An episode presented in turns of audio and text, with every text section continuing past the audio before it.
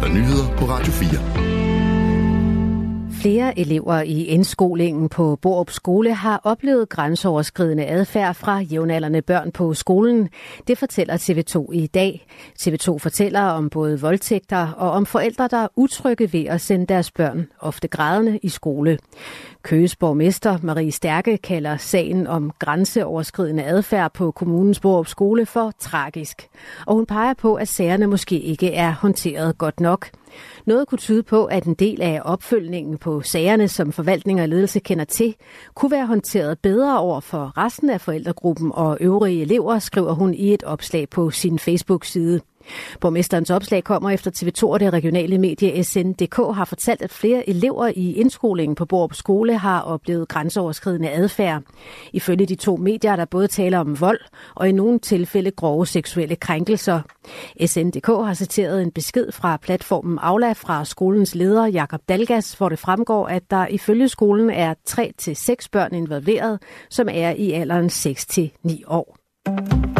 Det norske politis efterretningstjeneste PST har i de seneste år afsløret over 10 børn i alderen 12-15 år, der planlagde terrorangreb i Norge. Det oplyser den fungerende direktør i PST's antiterrorafdeling Lind Havnelid til den norske avis Dagbladet. Den yngste, vi har afsløret, var en norsk dreng på 12 år med højere ekstremistisk tankegods, siger hun. Typisk er børnene blevet radikaliseret på internettet, forklarer hun. En 33-årig mand er i kritisk tilstand, efter han blev fundet livløs i IKAST svømmecenter tidligere i dag. Det oplyser Midt- og Vestjyllands politi til TV2 MidtVest. Manden, som kommer fra IKAST, blev fundet på bunden af et af bassinerne. Der blev med det samme ydet førstehjælp, og manden blev kørt til Aarhus Universitetshospital. Mandens pårørende er underrettet. Politiet vil nu kigge overvågningen igennem for at klarlægge hændelsen, lyder det. Den tyske kansler Olaf Scholz lover at øge militærudgifterne, så Tyskland kommer op på at bruge 2% af deres BNP på forsvar, sådan som man har lovet NATO.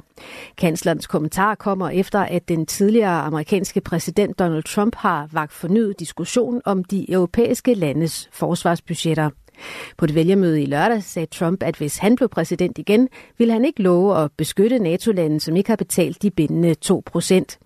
Ifølge den franske udenrigsminister Stéphane Séjourné skal alle i Europa omgående forberede sig på muligheden for, at USA muligvis ikke vil beskytte NATO-allierede, som ikke bruger nok penge på forsvar. Det skriver Reuters. I Finland opfordrer den nyvalgte præsident Alexander Stubb sin landsmænd til at forholde sig i ro, trods Donald Trumps kommentarer.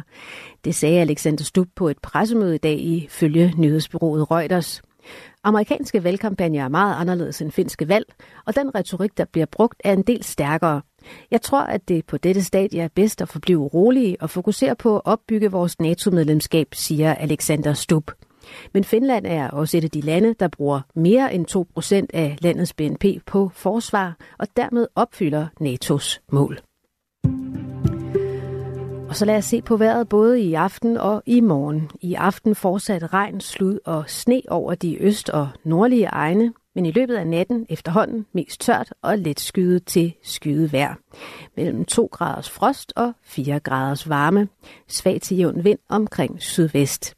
I morgen skyde med enkelte byer, men i løbet af eftermiddagen klarer det noget op vestfra med lidt eller nogen sol og mest tørt vejr mellem 3 og 7 graders varme.